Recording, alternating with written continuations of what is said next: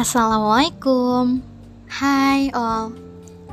Uh, BTW this is first Ramadan First day of Ramadan And I will read aloud Sebuah artikel dari Suhud Rois ya. Suhud Rois Tentang keingintahuan Jadi uh, Salah satu yang harus dikembangkan dalam belajar adalah rasa ingin tahu. Rasa ingin tahu adalah pemantik seseorang untuk menyalakan semangat belajarnya.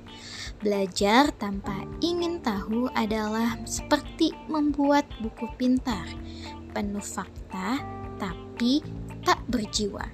Bagaimana menumbuhkan rasa ingin tahu? Rasa ingin tahu tumbuh ketika murid tahu mengapa ia perlu belajar. Maka di awal pembelajaran perlu untuk menggali dan merumuskan manfaat belajar. Proses ini dilakukan murid, bukan guru. Selain itu, rasa ingin tahu bisa dikembangkan dengan melatih membuat pertanyaan.